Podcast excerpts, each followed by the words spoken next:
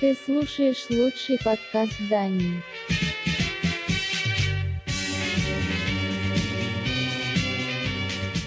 Музыкальная милиция.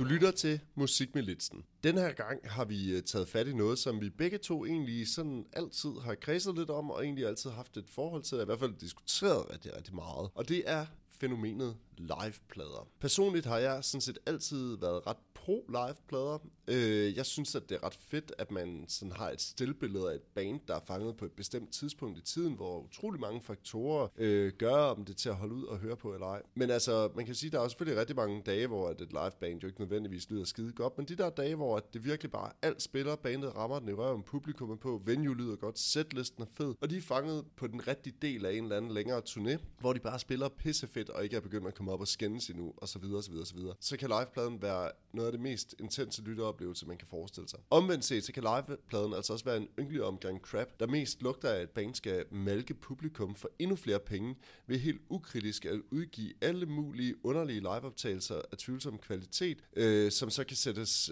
til salg, uden at man behøver at gøre det helt store ved det andet, end måske investere i et mix. Man behøver ikke engang gå i studiet, øh, eller for den sags skyld skrive, skrive ny musik for at være sådan i godsøjne aktuel med en udgivelse. Så den her gang, der skal vi simpelthen se på nogle liveplader. Øh, vi har lidt valgt, at vi skulle vælge to plader hver, som på en eller anden vis har betydet noget for os, eller været definerende for os i forhold til, til liveplader. Og så har vi taget en øh, wildcard-plade med også, som ingen af os som sådan har et forhold til, men øh, som konstant er at finde på diverse øh, internetlister over top 10 liveplader nogensinde. Albumet det blev indspillet i New York i 1993 og udgivet året efter, og så kan du jo selv prøve at bruge den næste stykke tid på at finde ud af, hvad det så er for en plade, som vi tager her til allersidst i det her afsnit. Men Christoffer, liveplader, er det noget, du lytter til øh, nu her i 2021?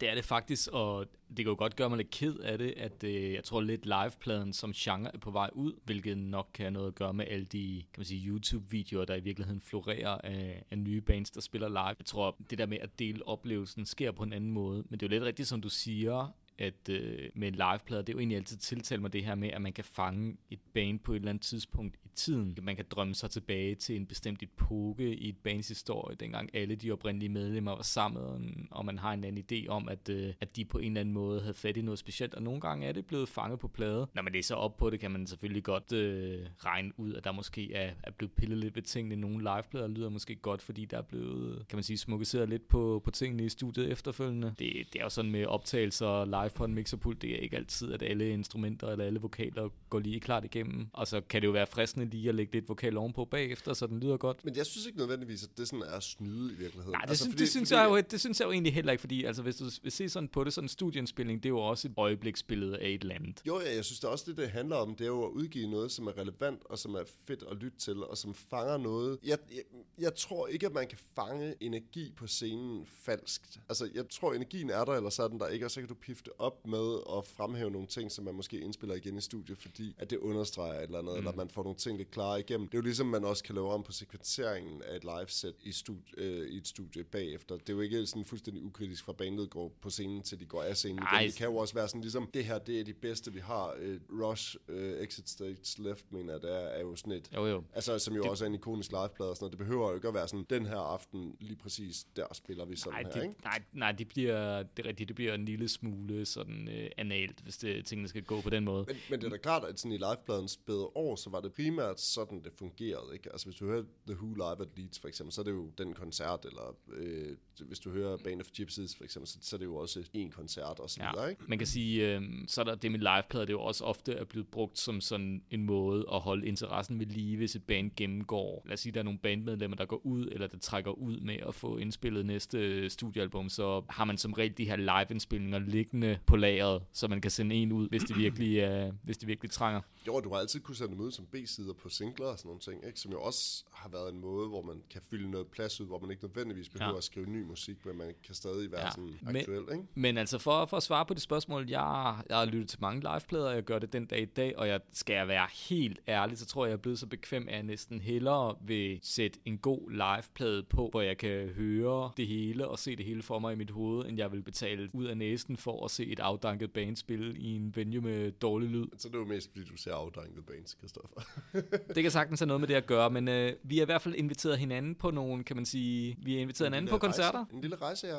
Øh, jeg vil sige, øh, vi har jo ikke sådan rigtig koordineret det her. Det, vi, vi har jo ligesom bare pitchet nogle plader frem og Ja. tilbage, og så er vi ligesom landet på, på fire plader, hvor øh, vi har valgt to hver, og så har vi som sagt Ja. ja. en wildcard overraskelsesplade til sidst, som vi så kommer med. Og det er ikke fordi, at vi som sådan giver en anmeldelse af det. Vi, vi laver et rundown af, hvad der ligesom er Ja. ja. på de her plader. Og man kan jo sige, at øh, du har startet med at invitere mig en tur til Solens Rige. Ja, det må man sige. Altså, og øh, jeg vil gerne lige lave en lille indflyvning til det her, fordi på et eller andet tidspunkt i starten af 90'erne, der stod en meget, meget lille Jeppe på en 6-7 år på en græsmark ude i Morslet til noget, der hed Morslet Open Air, tror jeg det hed, måske. Øh, der stod jeg sammen med min far og resten af min familie. Og et af de her bands, der spillede, var så et ungdomsskoleband, øh, der spillede en god blanding af sådan det, vi nu vil kalde classic rock. Og jeg kan simpelthen ikke huske, hvad der har været på den setliste, men der har helt sikkert været noget Led Zeppelin og Procol Harum, måske, hvad ved jeg, et eller andet. Altså, noget af den du er der ikke i med, hvor vi er henne rent stilmæssigt. Et af de her numre var specielt tiltrækkende, og jeg kan huske, at jeg på vej hjem spurgte ind til det her bestemte nummer, og jeg kunne huske det, fordi der var en meget lang intro, og det var ligesom det, der sådan var meget definerende, det, der, det jeg sådan blev mærke i. Og til alt held, så kendte min far rent faktisk det her nummer, og det var selvfølgelig Lazy med Deep Purple, øh, der blandt andet kunne findes på den der flotte guldplade med guldcoveret, vi havde stående i min pladesamling. Det er ikke for meget sagt, at det her første lyt til Deep Purples Lazy fra Made in Japan blev ret definerende for mig. Det var min introduktion til rockmusik, og det var her, jeg besluttede mig for, at jeg også ville spille år ligesom John Lord og få langt hår. For selv her mange år senere vil jeg faktisk stadigvæk våge den påstand og sige, at den år-lyd, der findes på, på Made in Japan, er noget af det mest badass år, man overhovedet kan forestille sig. Det lyder så hjernedødt fedt, og det synes jeg altså stadigvæk. Jeg tror ikke, jeg lyver, hvis jeg siger, at Made in Japan er den plade, jeg har lyttet mest til i mit liv. Helt sikkert mest dengang jeg var barn og ung teenager, men den er der også sådan med jævne mellemrum fundet vej til øh, plades spilleren senere hen. Jeg tror faktisk endda, jeg har sågar investeret i dem, der hedder Live in Japan, som er alle tre koncerter, øh, der ligesom er samlet på, på sådan tre CD'er. Jeg ved ikke, at den er garanteret også udgivet på vinyl nu. Men dengang var det altså bare på CD. Så derfor har jeg selvfølgelig valgt, at vi skal en tur øh, med et genlyt med Pace, Lord, Gillan, Glover og Blackmore. For øh, holder den så i dag? Jamen, det er jo så det, jeg har bedt Christoffer om at give sit bud på. Ja,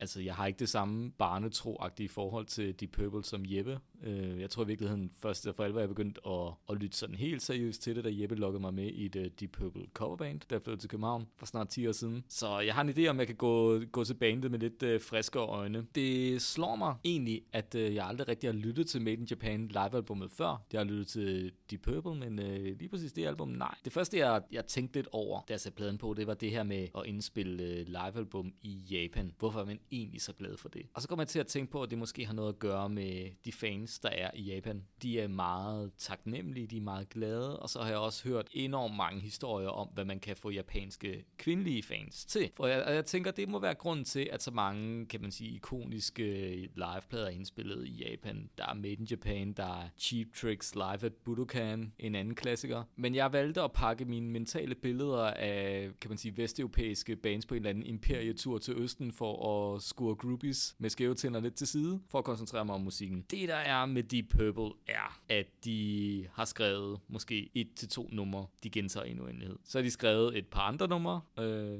dem har de ikke valgt at spille på den her plade. Made Japan starter ud med, og det synes jeg egentlig er meget sympatisk, øh, lidt lyd fra bandet, der der varmer op. Da, når man går på med et live-set, så kan man jo vælge at spille en lille intro, inden man går lige på hårdt, men det er normalt meget kalkuleret. Jeg kan egentlig godt lide, at de starter med at, at teste trommelyden lidt og overlyden lidt, og lige sætte til og sådan stå og kigge på hinanden. Det ligner, minder lidt om en jam i et øvelokale, og så, så starter Ian Pace op med, hvad hedder den, det er vel uh, Highway Star, og man kan sige, det tempo sangen starter i, er ikke det tempo sangen slutter i, men, det er fandme være synd at sige.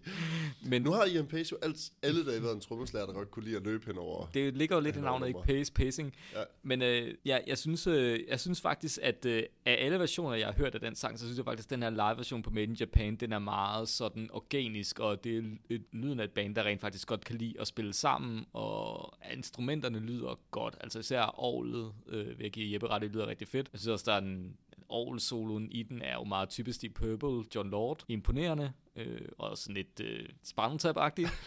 Meget sp- Men når det er, når det er første nummer på pladen, så, så synes jeg, at man køber den. Nummeret går direkte over i, hvad jeg nok vil kalde den måske bedste version af Charlton Time, jeg har hørt.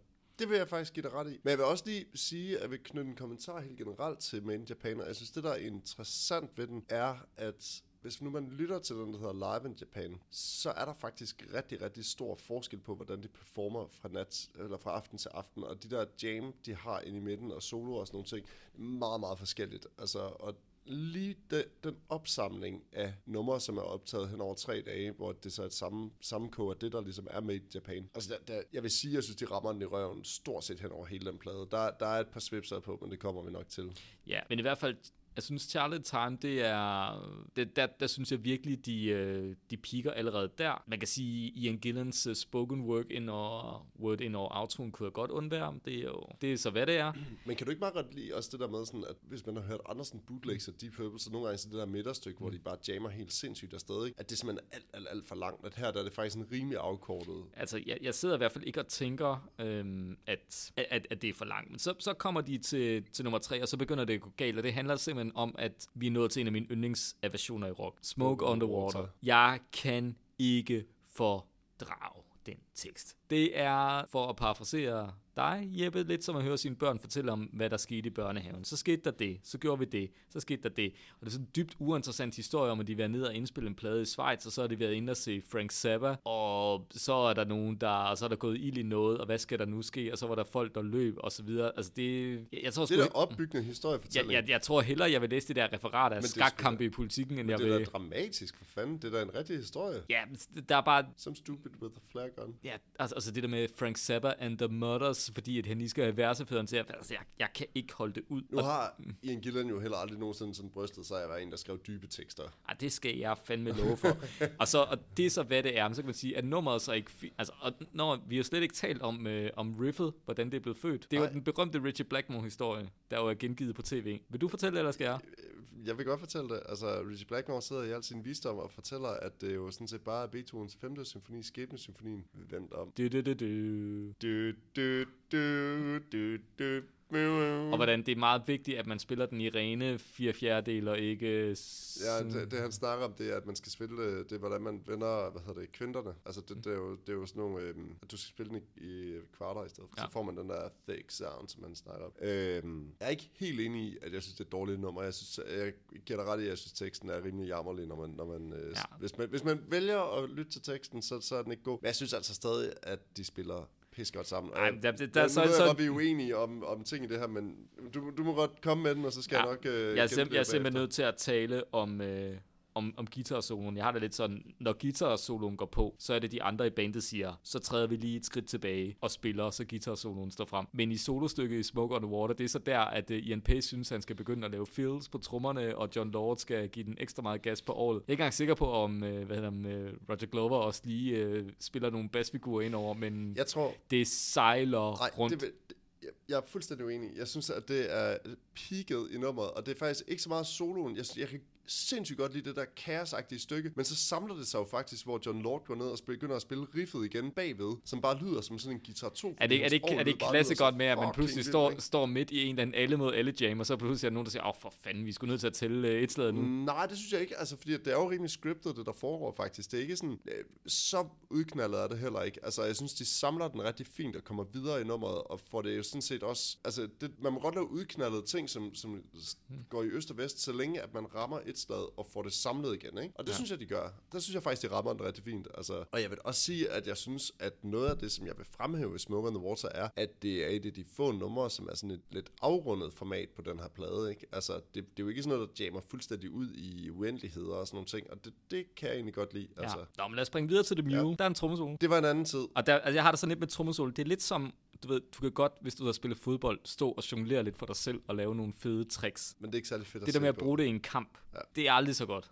Nej. Der skal vi bare efterlade den der. Jeg tror, det man også skal tænke på med Deep Purple i 1972, det er, at det er et udpræget live band.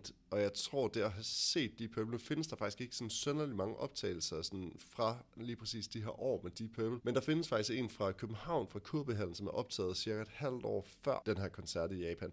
Så der må man jo sige, at det, det minder sgu nok meget om, hvordan det har været at, at have set Deep Purple øh, under Main in Japan optagelsen i Japan, ikke? Og man kan, altså sådan en Richie Blackmore-type er jo sindssygt sådan adræt på scenen i virkeligheden. Han laver nogle vanvittige sådan moves og sådan nogle ting. Og jeg tror, det har været lige så meget det at se ham spille, mm. altså han, hele hans måde at være på, fordi det er klart, at når man, når man zoomer ind på, hvad han egentlig spiller, så er der virkelig meget af det, der bare sådan, det, han rammer simpelthen ikke toner der, altså, og hans guitar stemmer Men meget du må også sjældent tænke på, at, at han var en rockmusiker fanget i en lutmusikers krop, ikke? Jo, jo, jo, men, En troubadours krop.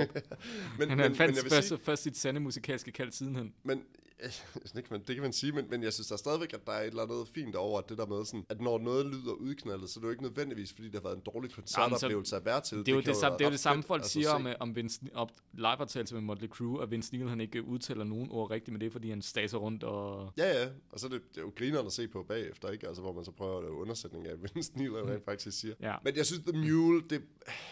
Altså, hvis nu man så, så det sådan rent trommeteknisk og sådan noget, så spiller han fedt, ikke? Jo, altså det er jo meget sådan kla- øh, klassiske jazzet, jazzet trommeslager, gun rock, som mange af de bedste jo var, Ginger Baker og så videre, ikke? Nå, jeg mener, jeg mener bare, at når man hører sådan en som ham spille, så kan jeg godt lide, at der er sådan en lethed over hans trommespil, men man ved, at han bliver nødt til at banke igennem på trommerne, for overhovedet at komme igennem den der wall of sound, der Ja. er. Ikke? Altså, det, det, det er fuldstændig umuligt. Du kan ikke sidde og chatte til trommerne der, fordi når man ser den måde, de spiller på, og når man hører indspillingerne, så lyder det jo som om, at det er et band, ja. der har trykket alle knapper op Jo, på 11. det, ikke? det var en meget god pointe. Altså, Judas Priest havde på et tidspunkt trommeslager, men nu har jeg glemt, hans rigtige navn var. Men han gik under navnet Feather Touch, fordi han var utrolig sådan, teknisk dygtig, øh, men han kunne ikke rigtig hamre igennem. Ja. Så det er derfor, de fyrede ham og ansatte ham der. Dave Holland er jo sidenhen bedømt for at have forgrebet sig på en uh, handicappet dreng i rullestol.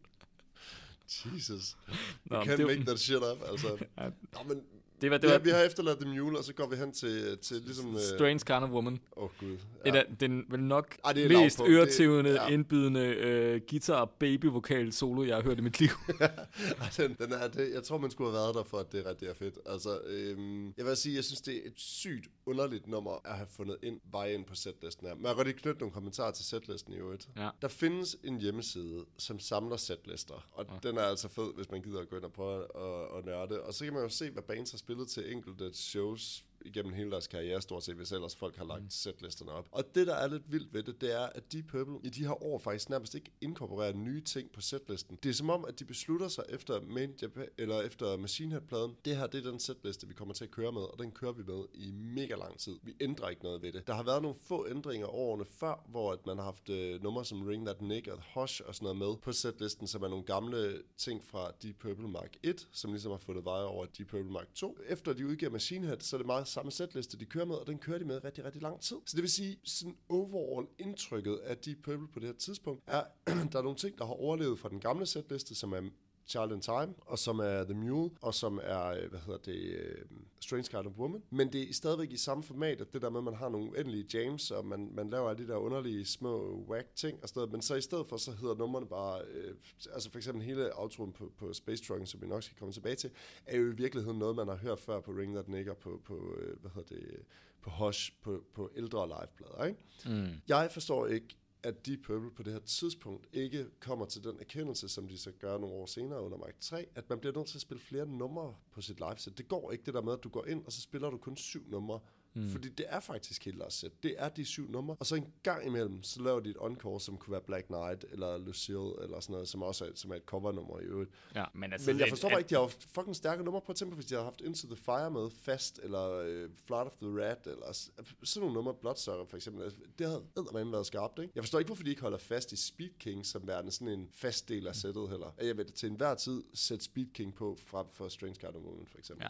Fireball-nummeret er da også Ja, kongefedt. og det er også mærkeligt, altså et nummer som Black Knight vil jeg nok at sige, at vel et af de, de Purple-numre, som folk kender i øvrigt, udover Charlie Timer. Jo, men den, ret skal være ret, den spiller de jo som encore en gang imellem, når mm. de ligesom laver et encore. Men, men jeg forstår ikke det der med sådan, når man har siddet og haft diskussionen i banen, for den må jo unægteligt have været der, mm. at man beholder den der Ian Gillan øh, Blackmore ting, fordi at det ligesom er sådan et eller andet trademark, de har på det her tidspunkt, at, at mm. Ian Gillan kan gå sådan absurd højt op i sit register, og, og det er fedt, og så spiller de, så jammer han sammen med gitaren og sådan noget. Jeg forstår slet ikke, hvorfor man ikke skrotter alt det, og skrotter den, og så spiller to numre, i stedet for det ene nummer, ikke? Men apropos det der, det er sjovt, du siger det der med, med få øh, lange numre i en slags dag, for nu er vi kommet til Lazy, og det, det jeg har skrevet i mine noter er, det lyder som 10 Years After. Ah, Det er ikke nødvendigvis en dårlig ting, men det lyder, det er sådan noget blues rock jam. Jamen, Det, jo, jo, jo, det er det. Altså, og det er helt klart, Lazy er en mere poppet version af Ring That Nick, vil jeg sige. Og øh, så er der noget vokal på, som kommer ind, som er sådan lidt skudt ind fra højre. Ikke? Men, men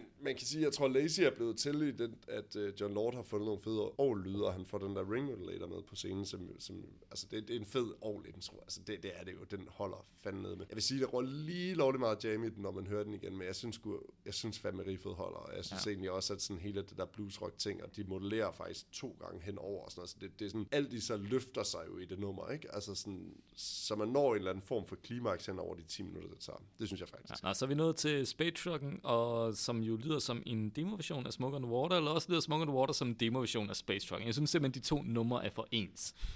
Og det er altid min. Mm, jeg synes ikke, jeg kan give dig ret, faktisk. Jeg, jeg, jeg synes, Space Trucking er mere... øh, Verset, melodien i verset, er meget ens. Ja, det kan da godt være, men jeg synes, at resten af arrangementet er meget ikke ens. Altså sådan, jeg synes, Smoke on the Water er mere sådan straight pop, noget, der sådan er tilegnet radio i virkeligheden, hvor Space Trucking har den der mulighed for sådan udknaldethed. Jeg synes også, at Space Trucking generelt er mere stringent i synes, Space Trucking er et bedre nummer end Smoke on the Water. Mm, det kan vi godt blive enige 100, om. 100 gange bedre nummer. Altså, øhm, jeg synes faktisk også, at den der outro-ting, øh, hele det der jam-stykke, jeg synes faktisk, det er ret fedt på, på Main Japan. Jeg synes, det holder den dag i dag. Og øh, jeg tror ikke, at den type jam holder hver eneste gang, Deep Purple går på scenen og spiller, men når de rammer den i røven, så rammer de den også i røven. Ikke? Men det er svært at stå og opfinde sig selv hver evig eneste aften med at skulle finde på et eller andet nyt til sådan noget der, og derfor kan der enormt hurtigt gå sådan en automatpilot i sådan noget der, ikke? Jeg ved ikke, om det er på Made in Japan, men i hvert fald på andre Deep Purple-plader, der er der en vis øh, Martin Birch. Jamen, Der, den er han også med her. han er tekniker, Ja. måske studietekniker på pladen. Ish. Tekniker, måske post-producer på den også. Ja, Et eller andet. Jeg ved ikke, hvad han er. Jeg, jeg tror sådan,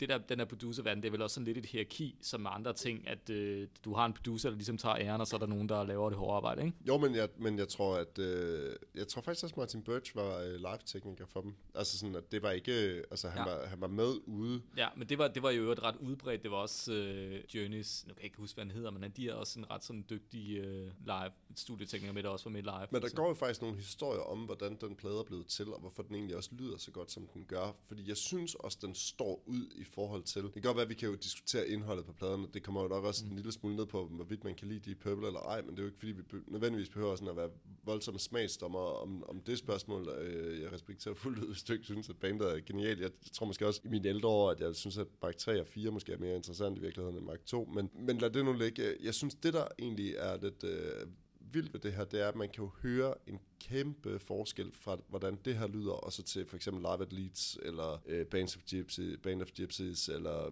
hvad, hvad der ellers sådan har været af store liveplader på det her tidspunkt. Ikke? Det er stadigvæk 1972, det er relativt tidligt, ikke?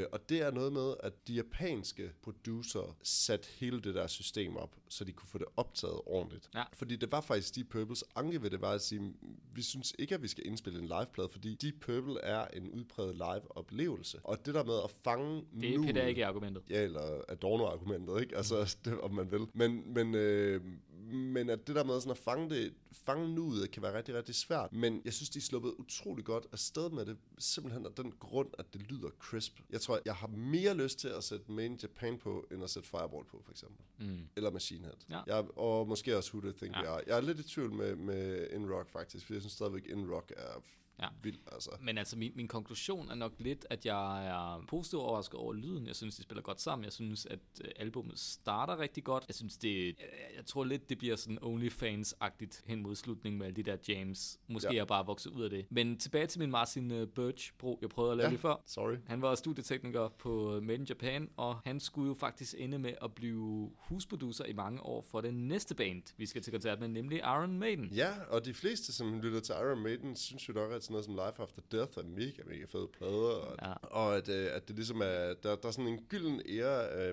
af Iron Maiden ting. Det, om det så er, hvad hedder det, med Paul Diano, som, som er mega fed i, sådan, helt i starten, eller om det er med Bruce Dickinson op igennem 80'erne på de der sådan klassiske Iron Maiden plader, som jeg vil sige helt ærligt stadigvæk, synes jeg i min, i min optik står rigtig stærkt. Altså jeg synes stadigvæk, at Powerslave er en plade, fed plade. Ja, og det er jo på Powerslave-turen, det er jo der, de indspiller Live After Death, Ja. som er ligesom det ultimative Iron Maiden live-plade. Men det er jo ikke det, jeg har givet dig, Nej, Jeppe. du har ikke givet mig noget andet. Du har jo Ja. givet mig et band i dets efterår, kan man godt Ja, sige. og, Og, og det, det knytter, der knytter sig en personlig historie til det. ja, vi skal jo, og det skal faktisk også sige, at jeg misforstod dig jo fuldstændig. Jeg troede, vi skulle tage, jeg troede, vi skulle tage A Real Dead One, men så viser det sig, at, øh, at Christoffer jo simpelthen vil have den remaster fra 98, der hedder Real Live Dead One, som er de to liveplader, der er samlet til en, så det er faktisk er dobbelt så meget musik, vi skulle igennem. Ja, det, Tak for det, Vi Christoffer. behøver ikke at gå igennem alle numrene. Nej, det behøver vi Nej, fandme. Det, Men øh, jeg vil gerne øh, knytte en personlig historie til Ja, det, og gør det, det. det drejer sig om, at øh, som barn var jeg jo, jeg voksede op i et forholdsvis gudfrygtigt miljø, ikke af min, skal man sige, egen familie eller overbevisning var det, men man havde alligevel en rem af det der med, at øh, hørte du nok metal, så ville du nok ende i helvede en skønne dag. Så jeg stigede, øh,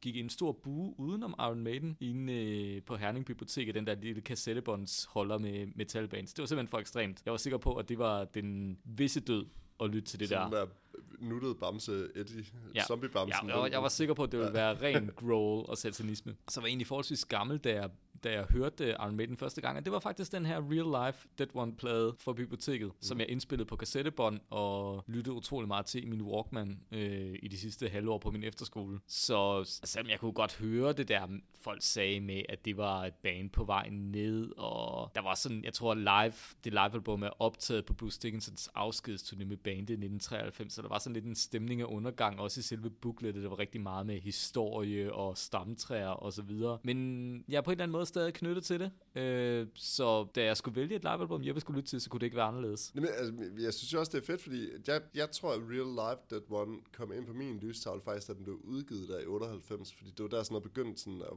at fatte min interesse. Og så var det sådan en, øh, måske har det også været noget med, at man ikke bare lige kunne gå ned i stereostudiet og så købe hele Iron Maidens bagkatalog. Det tror jeg faktisk ikke, man kunne på de Det år. er, i måske de en, år. det er måske en meget... Altså, at, at det man ligesom kunne få, det var det der, det, der var aktuelt i hvert fald. Det var i hvert fald det, der sådan var til sådan ligesom at få sådan hands on. Jeg tror faktisk, den der sådan genudgivelseskultur kom nogle år Ja, det, senere. der, det, der, det der med tryk på ryggen, ikke? hvor man, hvis man samlede den, så dannede det et billede og sådan noget. Jamen, men altså, og der er jo et eller andet over det der med sådan, det, hvis der er jo for, for helvede præg alt muligt, så, så det var ikke bare muligt bare lige at kunne gå ned. Og igen, hvis ikke du havde det på plade, hvis ikke, altså på vinyl eller på, på, på et eller andet, jamen, hvor fanden skulle du så få det fra, ikke? Altså, og det at gå ind i, i stereostudie, men så stod der måske tre Iron Maiden plader, hvor A Real Life Dead One var en af dem, og så kunne der være den sidste nye, og så måske en Oldies but Goldies. Det der med sådan at genoptrykke fuldstændig vildt, og hvor man kunne gå ind og købe tre plader for en hund og sådan noget, det erindrer jeg altså først var noget, der sådan skete op igennem 2000'erne. Altså, Ja, det er i hvert fald Øhm. en, god pointe, når man var ung og ikke havde så mange penge og så mange muligheder, så var de der livealbum, de var også en eller anden form for indgang til et bands øh, storhedssted, ikke? er sådan en, en greatest hits, uden at være greatest hits. Altså, Jo, jo. Man, man slap for at ryge greatest hits-kategorien, hvis man købte et livealbum, fordi at, at så var man alligevel sådan lidt kondisør i det, ikke? Altså sådan, jeg må sige, at lytte til Real Life That One nu her,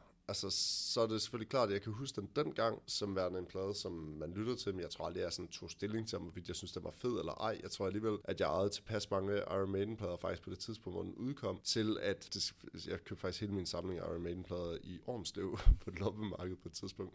Da, dengang kunne man være heldig sådan et sted på, på vinyl alle sammen endda. Så min indgang har jo været at lytte til Peace of Mind og, og de der plader, ikke? Og i den sammenhæng, så var Real Life That One sådan en eller anden underlig en, det var bare en liveplade i virkeligheden. Altså, jeg tror ikke, jeg havde det helt store forhold til det dengang, og jeg har heller ikke lyttet til den siden, altså, så det var egentlig meget grinerende at give den et lyt nu her. For jeg synes, det er ret tydeligt, når man hører den igen, at det er band, der er i krise, når de spiller. Om det så er fordi, at det er sådan interne stridigheder, og de ved, at det er Brit, øh, uh, Dick, uh, øh, Bruce Dickinson snarlig exit, uh, det ved jeg sgu ikke. Altså, men det kan jo selvfølgelig også godt hænge sammen med, at de årene op til udgivelsen af den her har udgivet nogle sådan lidt magre Iron Maiden-plader, no, uh, no Prayer for the Dying og Fear of the Dark, tror jeg ikke sådan sådan. Der skal man virkelig være inkarneret Iron Maiden-fan for sådan at hive de to plader frem, så værende et eller andet sådan kæmpe hit. Og så til alle jer, der kun kender Fear of the Dark nummer, så vil jo sige, at jeg til enhver tid vil holde på, at det er sådan en fæsen version af Hollow by, Hollow Be The Name, fordi at det kører på de samme sådan trupper og sådan nogle ting, ikke? Og jeg synes bare, at det andet nummer står meget stærkere. Jeg Og synes, det var, at riffet bliver spillet dobbelt så hurtigt. jo, men jeg er ligeglad. Jeg synes, at, jeg synes også bare, at han synger federe på de første plader. Altså, jeg synes, ikke, jeg synes sgu ikke rigtigt, at Bruce Dickinson er der på de der plader. Jeg synes, det, det bliver sådan lidt flat i lydbilledet. Det kan selvfølgelig også godt have noget at gøre med, at Grunson er kommet ind i billedet her, Race Against the Machine, buller afsted med deres rap metal og sådan noget. Det har selvfølgelig også gjort det svært at være Iron Maiden. Det er svært at sige præcis, hvad det er. Jeg synes bare godt, man kan høre, at det band, der ikke som sådan hænger sammen sammen. Det er jo også en plade, der er stitchet fra utrolig mange forskellige optagelser. Ja, ikke? men, men det er jo noget af det, jeg synes er charme, fordi vi, vi taler jo 1993, det er ikke så mange år efter, at jerntæppet er faldet, så rigtig mange, at, altså der er jo selvfølgelig noget fra Vesteuropa, men der er også sådan ting for, du ved, ud fra hukommelsen, Tjekkoslovakiet og Rusland og sådan nogle steder. Mm. Steder, hvor Iron Maiden jo på det tidspunkt jo er kæmpestore, altså man skal være helt ærlig, vel også at nogle af de steder, hvor de er størst i dag, ikke? Jo, jo, jo, helt 100. Altså. Og jeg vil da også sige, at det er jo ikke fordi, der ikke er ting, der står stærkt på den her, men jeg synes, de kommer rigtig skidt fra start. Altså sådan, jeg synes ikke, øh, jeg synes, nogle af deres klassiske numre, de står altså ikke lige så skarpt, som, som de gør på Life After Death, for eksempel. Det kommer jo det kommer an på, hvad du mener, ikke? fordi de spiller også nogle af de der Diano-numre, Remember Tomorrow og Transylvania Jo, jo, men det og gør de jo. Prowler og s- sådan nogle af dem, de ellers ikke lufter på nogle af de andre. Jo, altså, men jeg ved ikke, om jeg nødvendigvis synes, at de står sådan skarpere og sådan noget. Jeg synes, det er nogle fede numre. Altså, jeg synes også, at Jo, jo, det er federe sangskrivning end på, på no,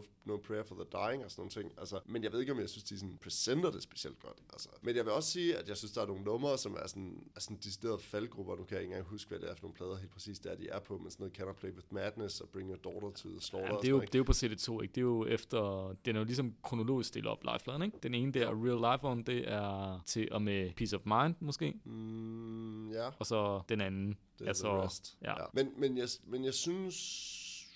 Men det, men det er måske ikke så meget at gøre med, om de spiller det godt live eller ej, men jeg synes, at den, det er en dead end for mit vedkommende. Two Minutes to Midnight og sådan nogle ting. Det er der, vi er ude i noget territorium, hvor jeg synes, Iron Maiden taber den, og det, det gør det jo selvfølgelig allerede en gang i 80'erne, ikke? Altså, Den er jo på Powerslave, i øvrigt. ja, jeg ved det godt, men jeg synes ikke, det er et godt nummer.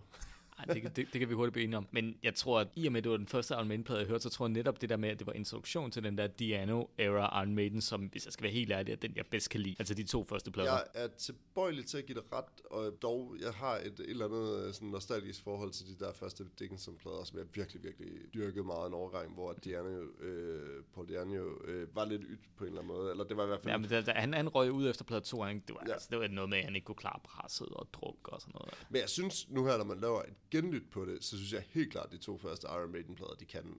Altså, det, det er fucking vildt. Altså, og de spiller fandme godt. Der er sådan en live-optagelse, er Live at the Rainbow. Ja, altså, den der, som ud, udgives øh, på VHS også. Ah, men kæft, de spiller godt. Altså, og så er det jo frame-to-frame øh, live-optagelser fra Spinal Tap. Altså, det er Ja. fuldstændig lige op en til en. Det Jo, der, jo, det men, fra. men, men, lige, men lige præcis den der Live at the Rainbow, som også tror jeg udkom på den DVD, der hed The Early Years, en masse sådan ja. gammel Iron Maiden. Det er jo, det er jo virkelig... Altså, det Men er det, gør også bare bandet af uendelige outtakes. Jeg ved godt, at man godt kunne være efter Deep Purple også, øh, i forhold til det der med sådan at udgive tusind forskellige sådan outtakes og mm. de, hvad hedder det, bootlegs og sådan noget. Men, men det er jo ingenting i forhold til Iron Maiden. jo, det, det er det jo blevet. Jeg vil, så sige, jeg vil sige, Live at the Rainbow blev faktisk udgivet som VHS dengang, rent kommercielt. Jeg kan huske sidste gang, jeg så Iron Maiden live, har været på et Roskilde Festival, hvor jeg stod ved siden af nogen fra dem, der er i Maiden Danmark. Var, så vi måske også den sammen? Det kan godt være, det var i hvert fald en, som havde 1200 forskellige Iron Maiden memorabilia Altså, jeg tog, hjemme, sidst, hjemme i sidst, jeg så Maiden, det var i, øh, det har været i 2011. Jamen, det kan godt være, det har været det år. Var det på Roskilde også? Ja. Jamen, det, det har været den samme. Jeg, jeg har set dem, jeg tror jeg har set dem to gange på, i 0 eller tre gange. Ja, jeg, har også, jeg, har også, jeg har også set dem en anden gang på Roskilde, hvor de jeg spillede... tror, jeg har set dem i 2003 eller sådan noget på Ja, Roskilde. det gjorde jeg også. Det, det var sådan en Greatest Hits koncert, kan jeg huske. Jeg kan også bare huske, at jeg var sådan, på det tidspunkt var jeg så ung, at jeg, jeg godt sådan kunne blive sådan faldet bagover sådan fede, sådan øh, øh, fedt sceneshow. Mm. Altså sådan, og jeg tror, at det der med sådan, der kommer sådan en kæmpe stor Eddie-dukke ind, Ja. ja. og Bring Your Daughter og sådan noget. Ikke? Men jeg tror i virkeligheden, der hvor jeg synes, at Iron Maiden op igennem 80'erne står rigtig, rigtig skarpt, det er, at der er et periode i start 80'erne, hvor de egentlig bare er et rockband, der går på scenen bare spiller. Mm. Øh, og så begynder der at komme alt det der gejl og lige ved siden af, hvor at et show bliver mere end et show, hvor der skal alt muligt Ja, men altså, de er jo, de, de, balloner jo, de jo til, kon- konceptbands, det konceptband. Altså, så er det, har vi en egyptisk plade, så har vi en... Ja, du skal have scenografi og hele lortet til det, fordi at det, du skal ligesom fylde det der stadion ud. Det er der, hvor jeg synes for eksempel, at bands som Deep Purple altid har været meget sådan tro mod, øh, mod konceptet om, at det, det er fem gutter, der står på en scene og spiller, og det er med sjældent, der sker noget ud over det på scenen. Udover, udover hvis uh, Richie Blackmore kylder en vandflaske i hovedet på nogen, Ja. eller... Så jeg tror selvfølgelig, har de nok også glipset rundt en gang imellem med, med sådan øh, lejlighedsvis med noget scenografi og sådan noget, men det er fandme sjældent, ikke? Altså sådan, som udgangspunkt, så er det fem, fem mænd, der står på scenen og spiller musik, ikke? Men jeg, jeg vil Og så... der, der, der synes jeg, at A Real Life, den, one, den, den mere røg det der sådan lidt gøjl og lige-agtige uh, Ja. The Trooper Ja. uh, med Eddie og, Ja, og ja. tusind uh, Men det, det, kan man, det, kan man, det kan man jo ikke høre på pladen. Jeg vil sige, Men man kan se det i bootleg. men, men, altså, men altså sammenlignet med nogle af de der tidligere Iron Maiden optagelser, sådan set også på Dickinson optagelser, det vil sige, den store forskel er, at Nico McBrain er en bedre trommeslager end Clive Burr, der spillede med dem i starten. Ikke at Clive Burr var dårlig, men jeg synes, Nico McBrain er bedre. Men Nico McBrain spiller sgu da også med på uh, Life After Death. Ja, ja, ja. Nå, men der, den er også, det er også en udmærket plade. Den er bare, det vil bare være et lidt for kalkuleret valg. Det er ikke det, det her handler om. Du, Nej. du skulle udsættes for det der, og du ved, Jamen, øh, men det er rigtigt nok, og jeg synes, at apropos ikke sådan uh, kalkuleret valg, så uh, kan vi jo hoppe videre til næste plade, som jeg står for. Музыкальная милиция.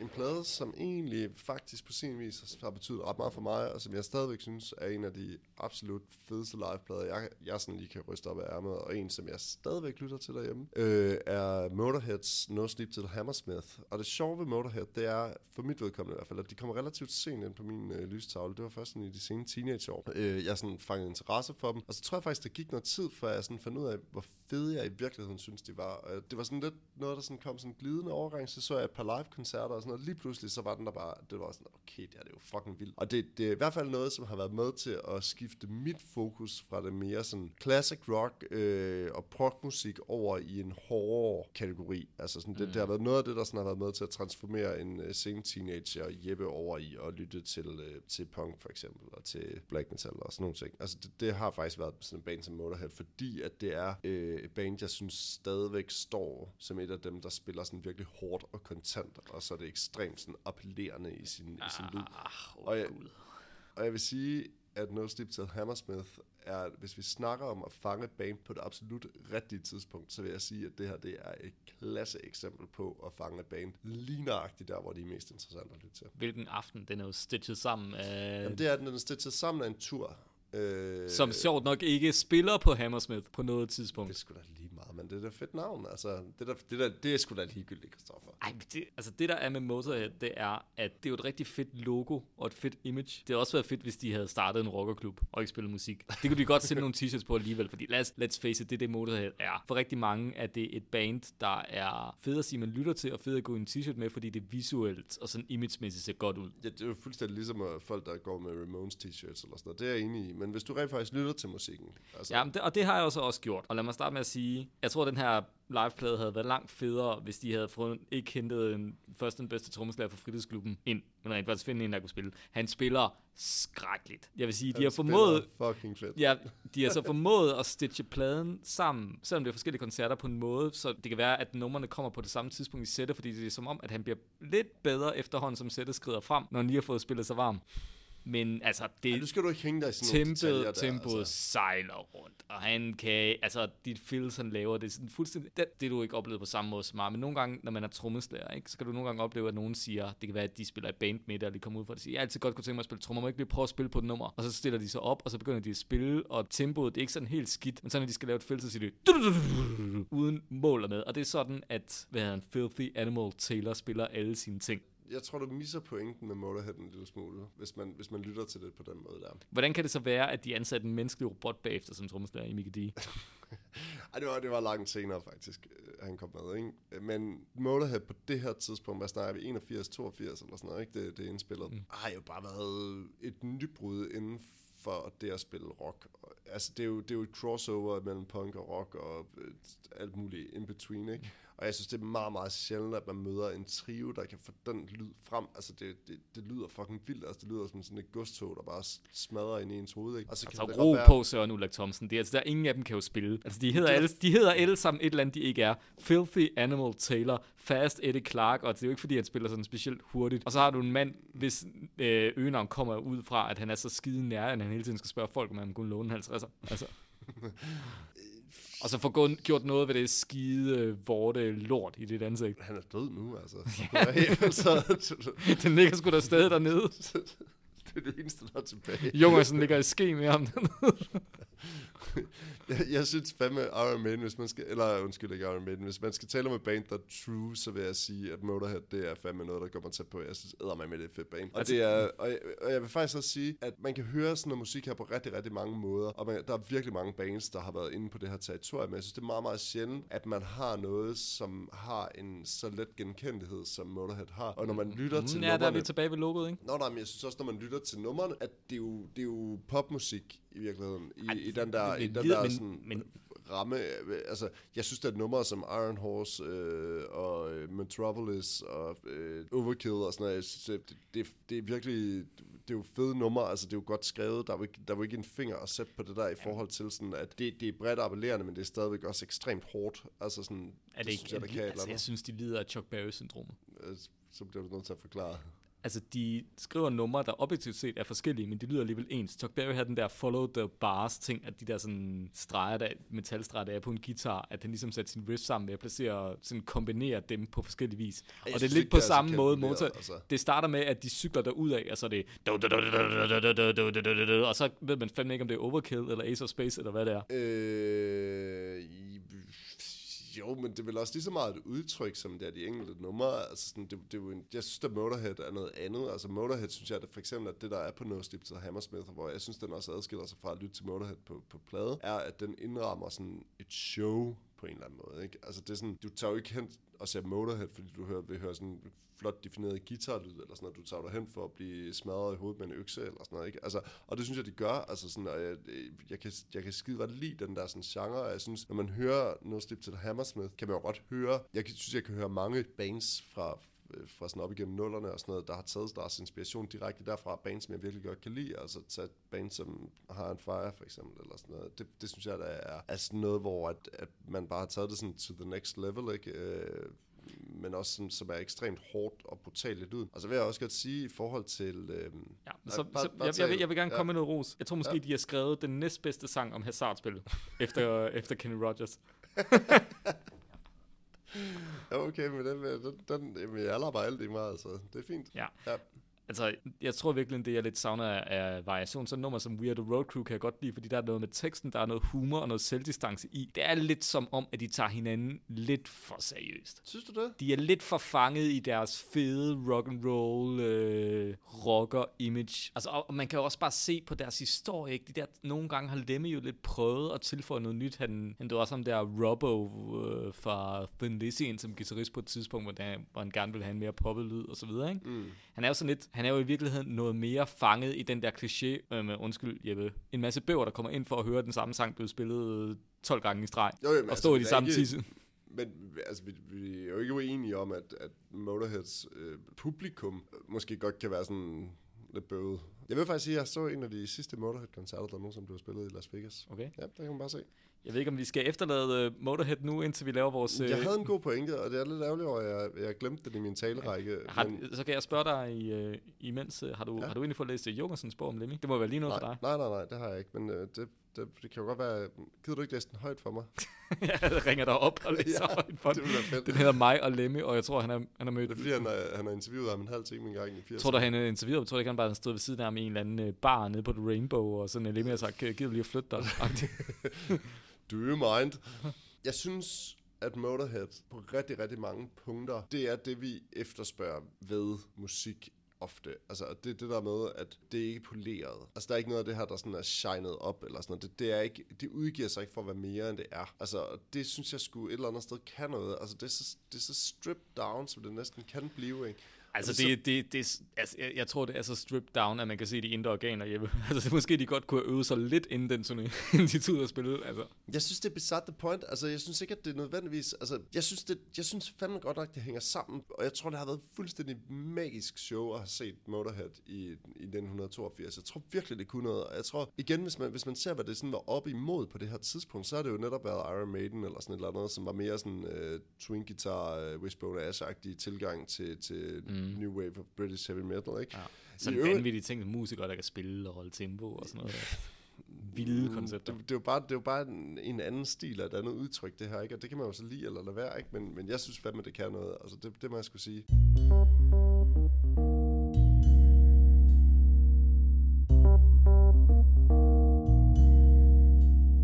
Nå, men det kan være, vi skal efterlade Motorhead her i, øh, i dyngen af ting, vi er øh, ikke enige i. Nå, jamen, jeg siger det. Folk har da efterspurgt i den her podcast, at vi var mere uenige, og så Ja. må man da sige, at... Øh, Vi er blevet det der kærestepar, folk øh, sådan halvt synes er underholdende, halvt bliver ked af at høre skændes hele tiden. Tror. jeg. vi er folk, man ikke gider være i byen med, fordi vi, vi sådan halvvejs snaver og halvvejs slår hinanden, ikke? Det er meget fedt. Nå, men jeg er, jeg er sikker på, at det ikke bliver bedre, når vi tager den sidste plade, som du har valgt. Ja. Som er. Det er Allan Olsen og Nordland. Det er da rigtigt. Ja, og den hedder Rygter fra Randområdet. Lige præcis. Øhm, som barn har, kan man godt have et øh, ambivalent forhold til ens forældres musiksmag. Øh, op igennem 90'erne var Allan Olsen sådan ret fast inventar i især min mors pladesamling. Hver gang Allan Olsen udgav en plade, så blev den købt, og Rygter fra randområderne, det var en, der blev spillet ret, ret ofte i min barndomshjem, og en der ligesom var blevet spillet på kassettebånd, der kørte i bilen. Så jeg kendte alle numrene sådan uden ad. Altså det skal lige siges, når man har indspillet et nummer, der hedder Vi lå jo i Herning, og man vokser op uden for Herning, så er det ligesom, øh, det er så tæt på nationalsangen, som man kan komme. Så på den måde havde, man, havde, jeg, et, øh, havde jeg et forhold til Anna Nolsen og rygter fra andre områder, men det er måske især, da jeg flyttede hjemmefra, måske fik en lille smule hjemvej, og måske især, da jeg flyttede til København og flyttede væk fra Jylland, at den fik en eller anden plads i min pladesamling som noget, øhm, som noget hjemligt hygge. Lidt som... Det er, ikke, det er ikke fordi, at det er cutting edge, men det var alligevel en plade, jeg, jeg har sat på mange gange for at bare høre nogen, der talte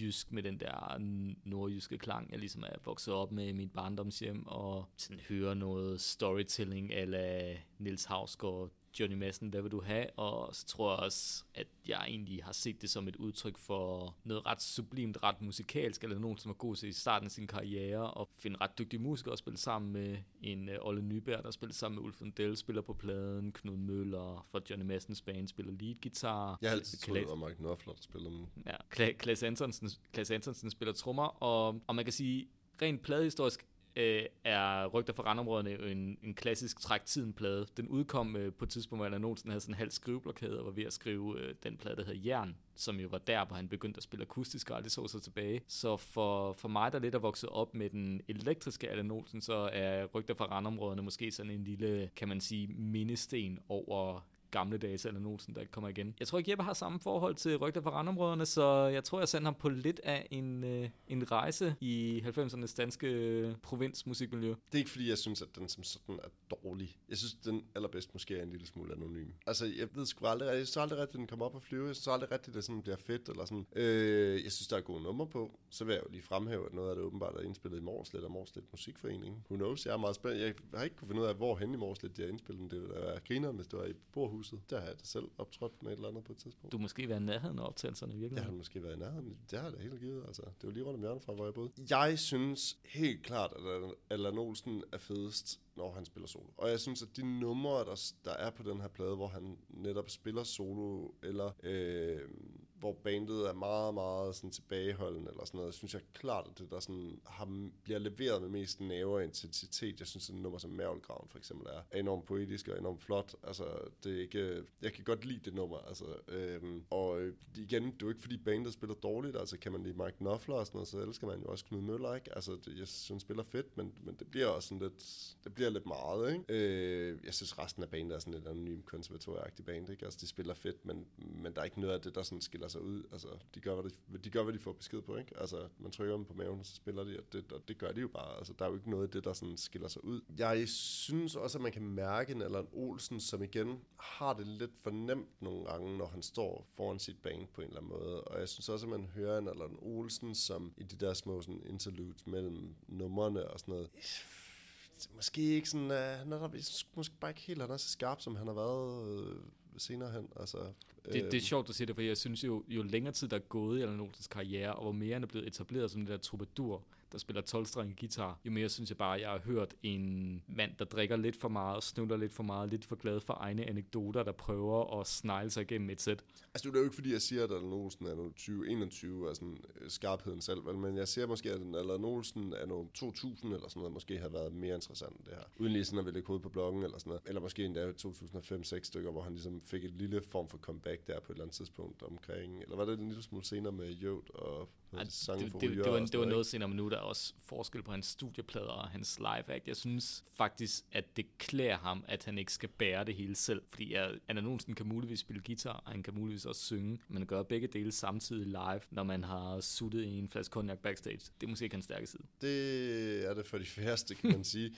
Men, men jeg synes ikke, at det ændrer på, at når han står selv med sin guitar, leverer han tingene mere intenst. Og jeg synes, at den der sådan øh, Allan Olsen ironisering over vores samfund generelt står stærkere, når han står selv. Og jeg har meget svært ved at se præcis, hvad det er, bandet løfter for ham. Altså, det er jo ikke sådan... Det, det kan bare meget hurtigt blive sådan øh, et eller andet... Øh, noget, hvor der bare mangler lyd, eller der mangler indhold, så derfor fyrer man en lang øh, Mark Knopfler solo på, eller et eller andet, ikke? Altså, men jeg synes ikke rigtigt, det understreger nogle pointer. Jeg synes ikke rigtigt, bandet spiller sammen med ham, eller sådan er der for ham på en eller anden måde. Altså, jeg tror måske, hvis det havde været... Altså, nu kan man jo altid sidde her og være skide bagklog og sådan noget. Jeg tror måske, hvis, jeg, hvis det havde været mig, så vil jeg nok have valgt at gøre sådan noget, eller hvis der endelig skulle andre musikere med, eller nogen sådan, gør noget, som Peter Sommer han gør nu her, hvor han spiller med Paddy Hjortbar. Ej, men, men så må du også se, altså, det er jo udgivet hvad, i 93 eller sådan noget, ikke? Jo, jo men, altså, det lyder, jeg må også så sige, jeg synes, det lyder meget tidstypisk. Altså, det lyder meget Det er der jo heller ikke noget galt i, kan man sige. Nej, nej, det, overhovedet ikke, men det, men det gør jo bare, at når man lytter til det i dag, kan det godt virke sådan Men det er fordi, du gerne vil putte Allan Olsen ind i den der kridtede sådan storby arver han egentlig har fået. Han er jo egentlig blevet sådan lidt øh, en storbykældæk, ikke? Det ved jeg ikke, om nødvendigvis vil. Altså Altså sådan, jeg,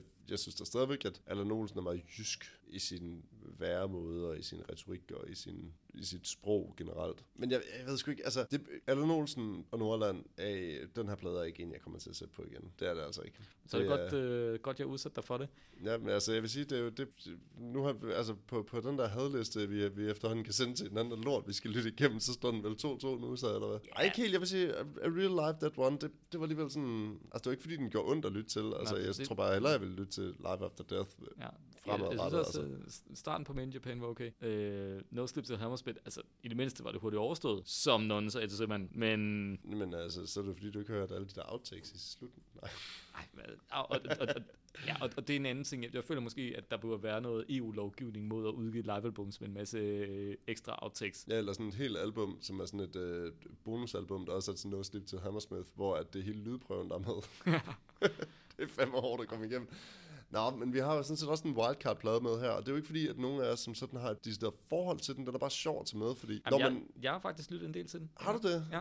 Nej, men for fanden. Okay, Christoffer har lyttet lidt til den, men vi skulle ligesom have, altså det er jo ikke fordi, at altså jeg er da sikker på, at på en eller anden liste kunne No Sleep til Hammersmith måske godt snige sig ind, og det samme med In Japan også, sådan, men det tror jeg faktisk ikke rigtigt, de er på de der sådan, altså sådan nogle Rolling Stones bedste, 50 bedste liveplader og sådan noget. Så er de i hvert fald langt nede på listen. Men en af dem, der i hvert fald altid sniger sig ind i toppen, ja. det er selvfølgelig Buttplug i New York med Nirvana. Og det er meget sjovt, fordi Kurt Cobain sniger sig også ofte ind på listen over de bedste guitarister nogensinde. Nærmest top 10-agtigt. Dave Grohl sniger sig ind over de bedste kreative mennesker nogensinde. Altså. Ja, Ja, øh, man kan sige... Unplugged i New York, ikke? Unplugged i New York, men Nirvana er vel så nærmest udkommet samme år, som Kurt Cobain begik selvmord, ikke?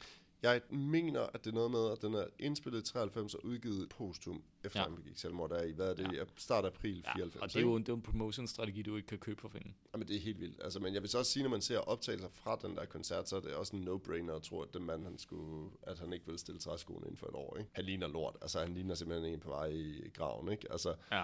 Øhm, når det er så sagt, så synes jeg, det er sådan en domlig, underlig plade, det her, fordi jeg kan ikke helt, altså har det været sådan en præmis for MTV, at da de skulle lave den, at de ikke skulle spille deres egen nummer? Men det er, det er faktisk også spekuleret lidt på bagefter. At de sådan har fået et eller andet benspænd, der hedder sådan, I skal, I skal spille så mange covernummer, og så spille to hits. Det er i hvert fald symptomatisk, at de ikke spiller så mange hits. Eller måske er det bare sådan gået op for dem, da de har øvet op til ja. det, og sådan, gud man, vores nummer er jo lort, hvis, hvis man piller alt distortion og sådan noget væk, og hvis man ikke har et ordentligt ja. trommesæt og sådan noget. Altså, jeg, jeg tror i hvert fald også, at den plade har udrettet mirakler for de der Promark Rute øh, trommestikker, der ligesom var sådan samlet af en masse spisepinde, ikke? Jo, jo, jo. Det, var, det har æder med med øh, sendt øh, salget på, hvad kan jeg havde Powers, tror jeg. Ej, okay, jeg, jeg synes faktisk virkelig, det er en dårlig plade. Altså, jeg synes ikke, de spiller særlig fedt, og jeg synes, at Kurt Cobain, han er fuldstændig væk. Altså, jeg synes ikke, at, altså, den der nerve, som man trods alt alligevel måske kan møde på mm. Bleach eller sådan noget, den er jo fuldstændig væk der. Altså, det er jo, mm. der er jo ikke Men noget tilbage, det, altså. hånden på hjertet, tror du måske, at det, at det Nirvana-album, som flest har lyttet til? Det tror jeg ikke, der. Jeg tror stadig, at Nevermind er det mest jamen, jamen, til. sådan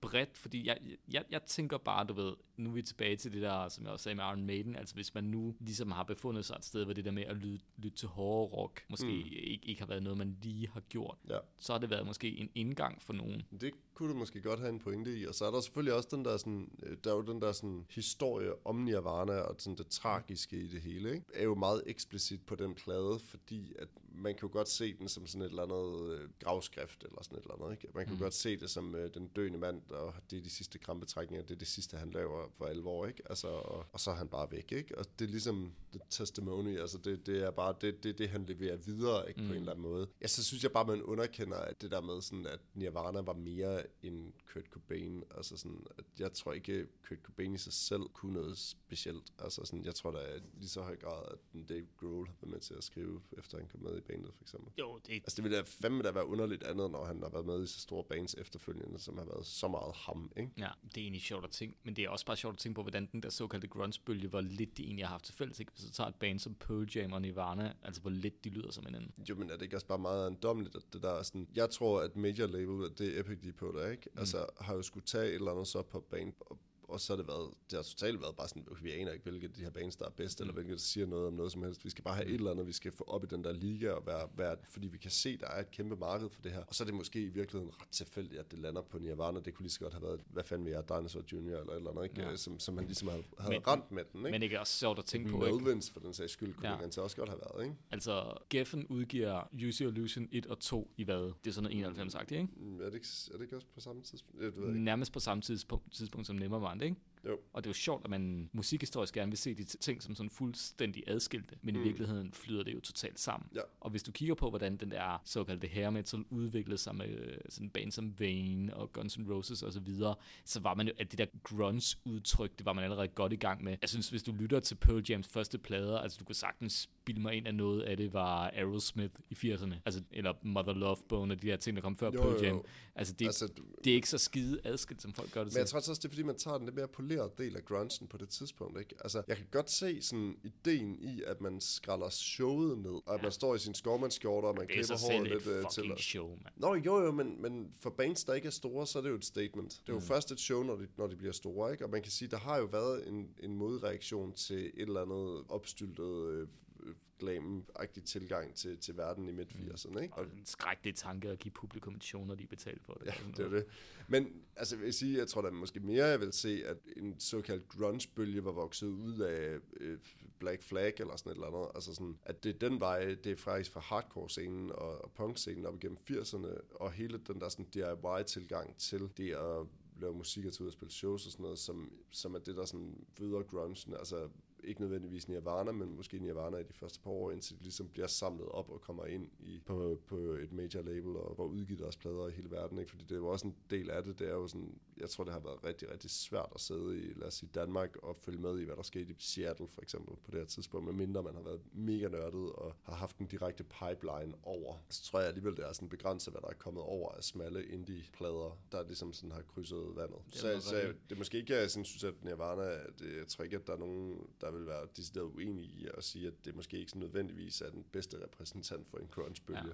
Men man kan sige, um, Unplugged i New York, at det er jo den skole, der var fandme ikke det band, der ikke udgav en Unplugged-plade. Altså det må lige fra. Kiss til Han Bol, Handball. Hvad har du? jeg ved ikke, men Hanne Bol har udgivet en. Hun har lige udgivet en uh, ny plade med covernummer blandt andet Minds of 99 og Medina. Ja. Udtalt, at Medina er jo vores tid uh, Tove Ditlevsen.